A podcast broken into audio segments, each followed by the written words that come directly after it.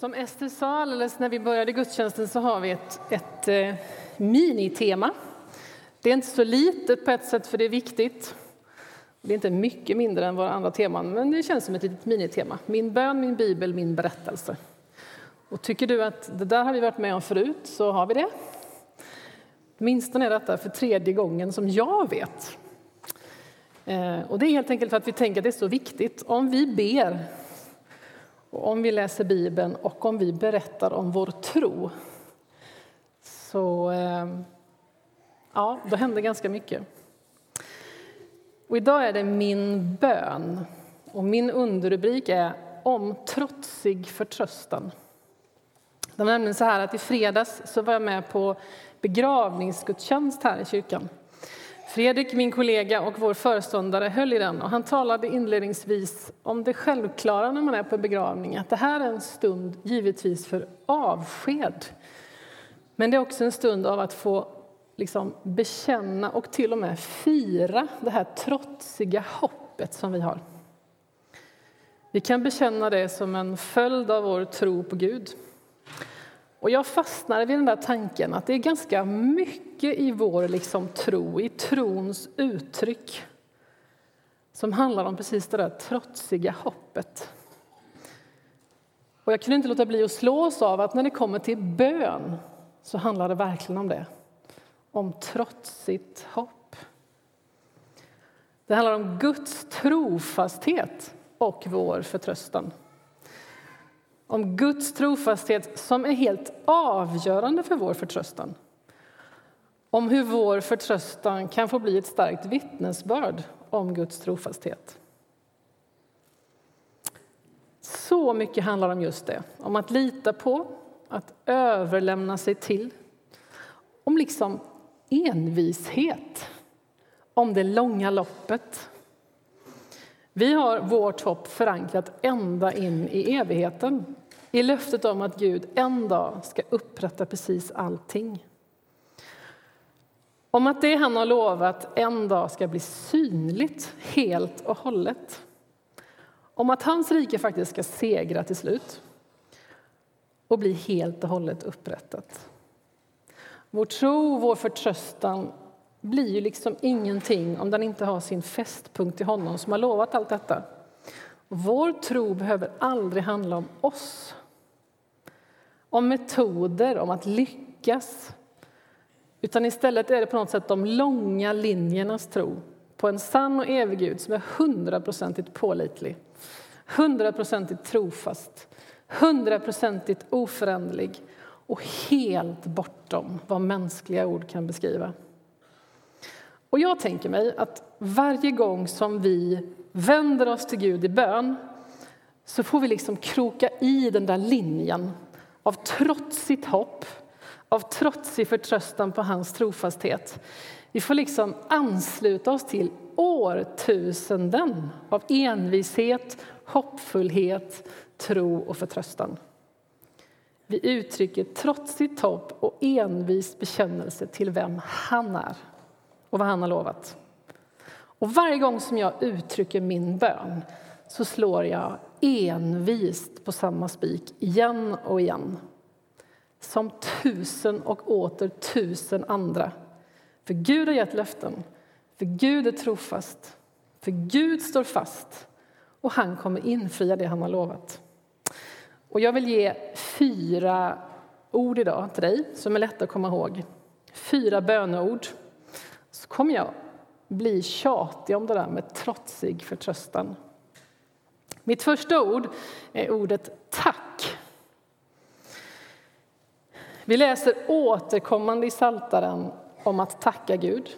Tacka Herren ty han är god. Tacka Herren, evigt vara hans nåd. Jag vill tacka Herren av hela mitt hjärta. Stora är Herrens verk. När vi ser vad Gud är och vad han gör så kan vi få fyllas av tacksamhet. Och en del i den där trotsiga förtröstan det är att igen och igen envist se på Guds verk, vad han har gjort, vad han är och så uttrycka det som ett envist tack. Att tacka Gud är att proklamera att vi tror på det han säger om sig själv.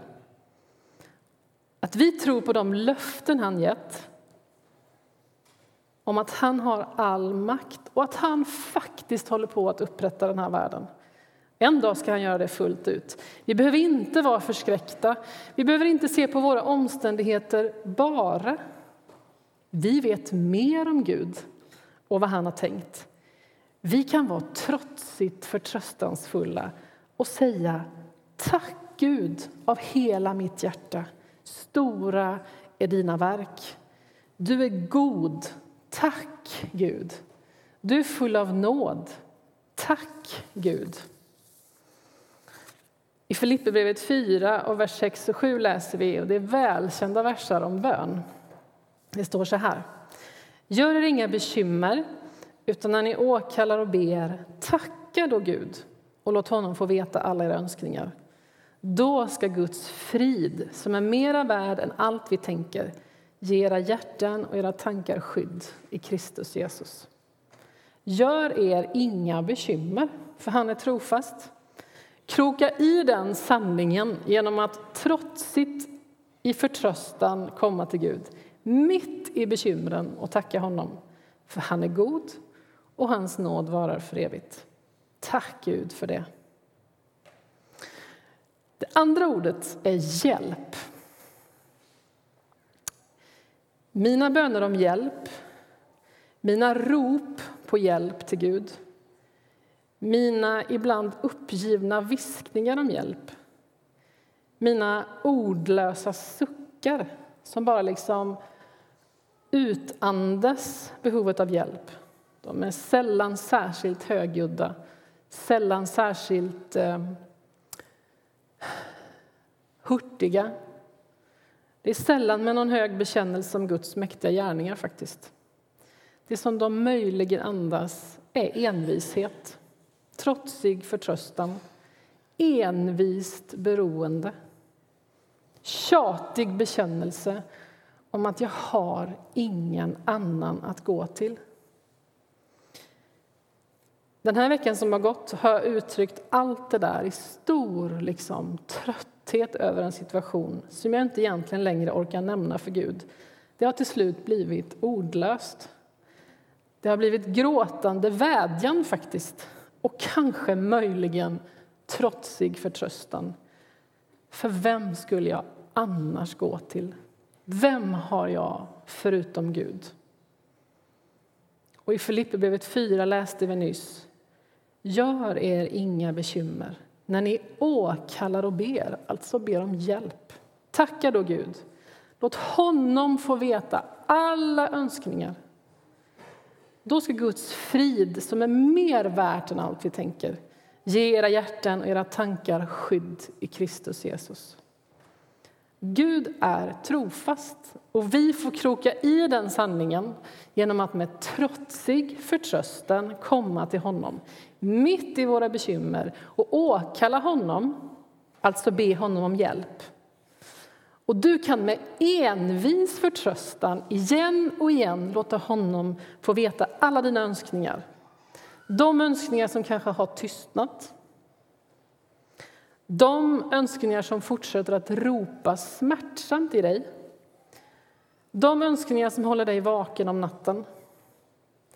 De som gör dig vettskrämd, utmattad eller till och med vanmäktig. Ropa ditt hjälp, så ska han som är trofast ge dina tankar frid. I Saltaren finns de mest desperata rop på hjälp. Och när vi läser där så får vi veta att vi är i gott sällskap. Många har ropat till Gud om hjälp. Många har genom historien förtröstat på honom som är god och barmhärtig. Du är i gott sällskap och du kan frimodigt uttrycka din situation för honom som lyssnar. Och psalm 69 säger så här, och kanske är det någon som känner igen sig. Rädda mig, Gud. Vattnet når mig till halsen. Jag har sjunkit ner i bottenlös dy och har inget fotfäste. Jag har kommit ut på djupt vatten, strömmen vill dra mig ner. Jag har ropat mig trött och min strupe är hes. Mina ögon verkar, jag har väntat länge på min Gud. Flera än håren på mitt huvud är de som hatar mig utan grund. Många är de som vill förgöra mig, som är mina fiender utan skäl. Jag tvingas lämna tillbaka det som jag aldrig stulit. Låt inte strömmen dra ner mig och djupet uppsluka mig. Låt inte graven sluta sitt gap om mig. Svara mig, Herre, i din trofasta godhet. Vänd dig till mig i din stora barmhärtighet. Att be Gud om hjälp är inte ynkligt. Det är att proklamera att vi tror på det han säger om sig själv. Att vi tror på de löften han har gett och att vi tror på att han har all makt och att han håller på att upprätta den här världen och en dag ska han göra det fullt ut. Vi behöver inte vara förskräckta, inte se på våra omständigheter bara. Vi vet mer om Gud och vad han har tänkt. Vi är trotsigt förtröstansfulla och säger fortsatt envist och frimodigt Hjälp! Det tredje ordet är förlåt. Vi får vända oss till Gud med allt det som tynger av svaghet, tillkortakommande, brister, synd. Han tar emot all den skulden, all den skammen och han förlåter oss.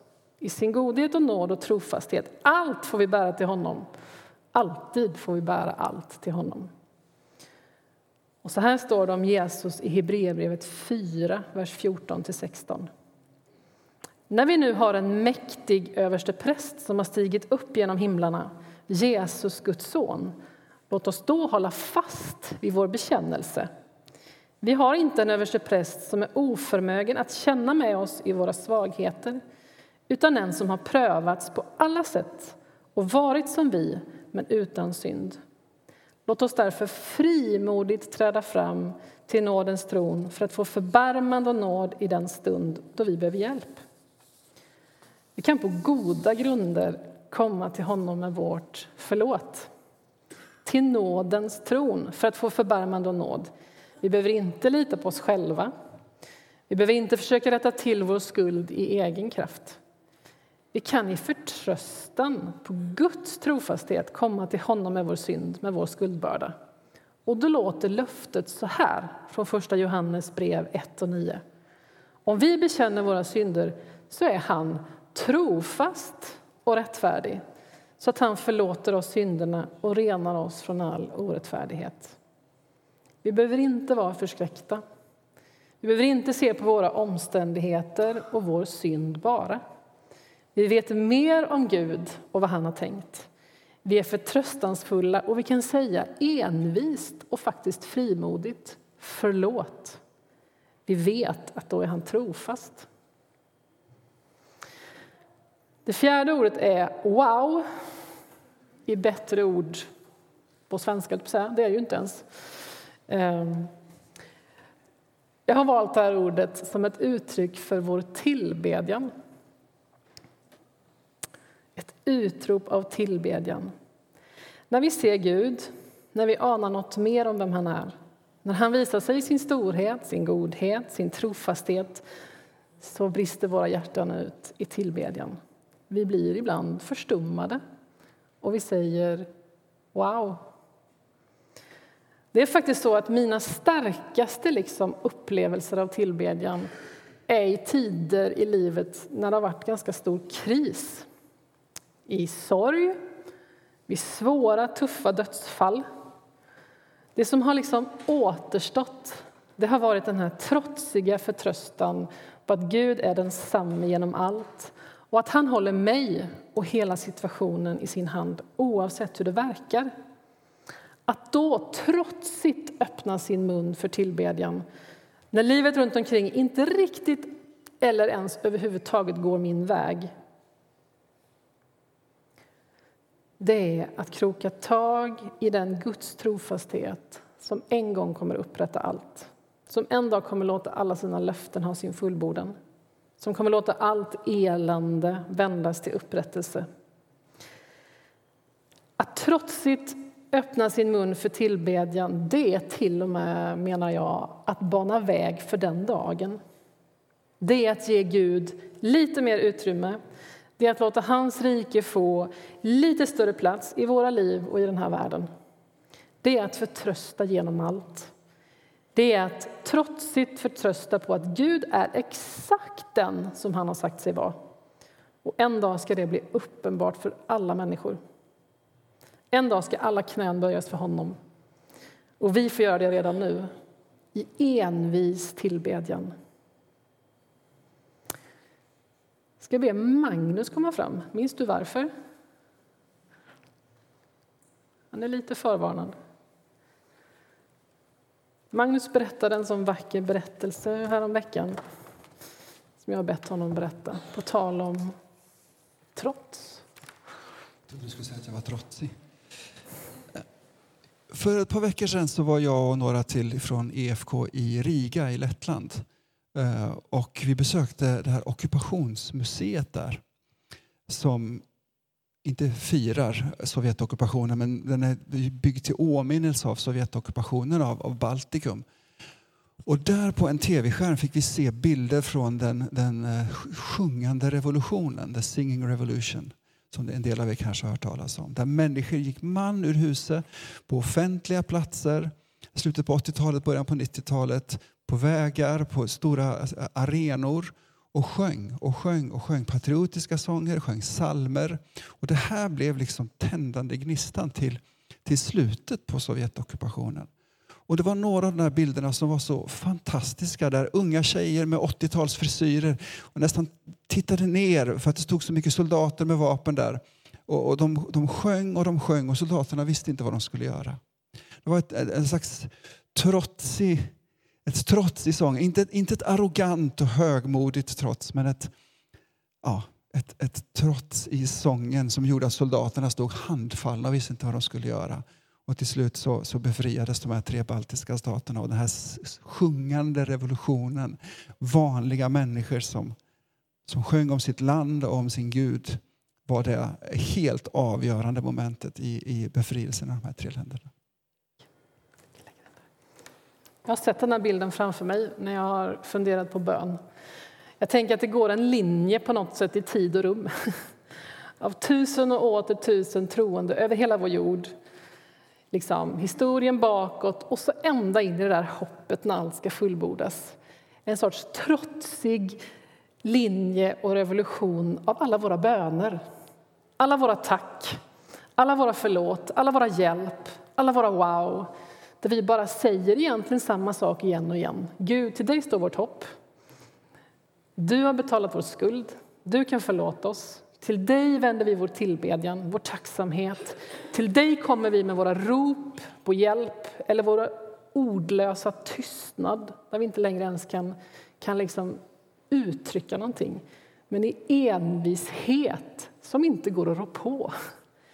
Och den här liksom envisa linjen får vi bara vara en del av idag. Vi får kroka tag i det här hoppet som är av evighet.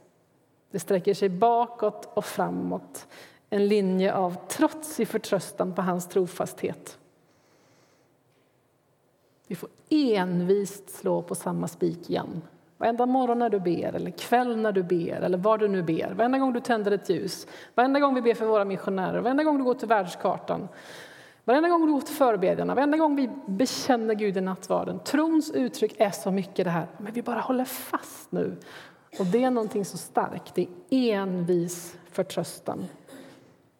Till den Gud som har gett löften, till den Gud som är trofast, till den Gud som står fast och till den Gud som kommer infria allting som han har lovat.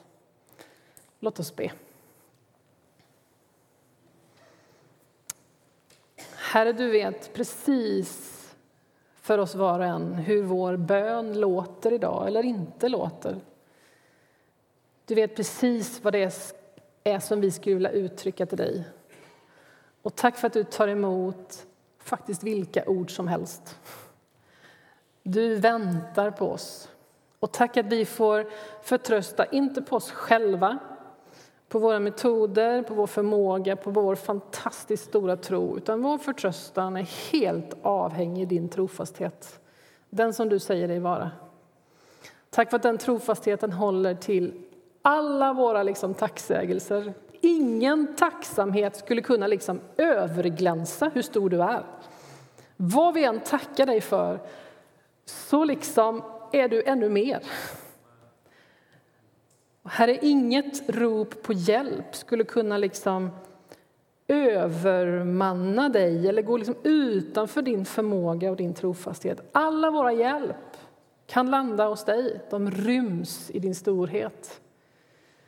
Här är inget förlåt gäller någonting så stort så att du inte redan har dött för det och inte kan förlåta det.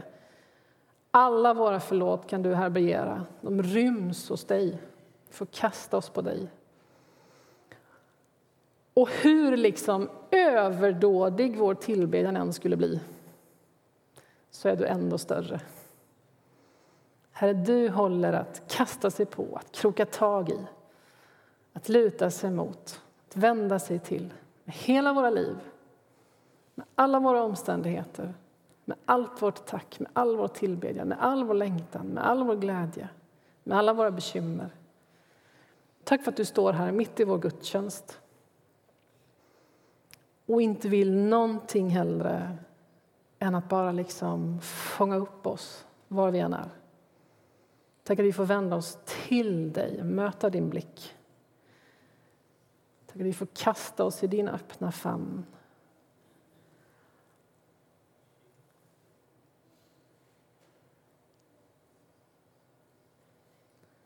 Amen.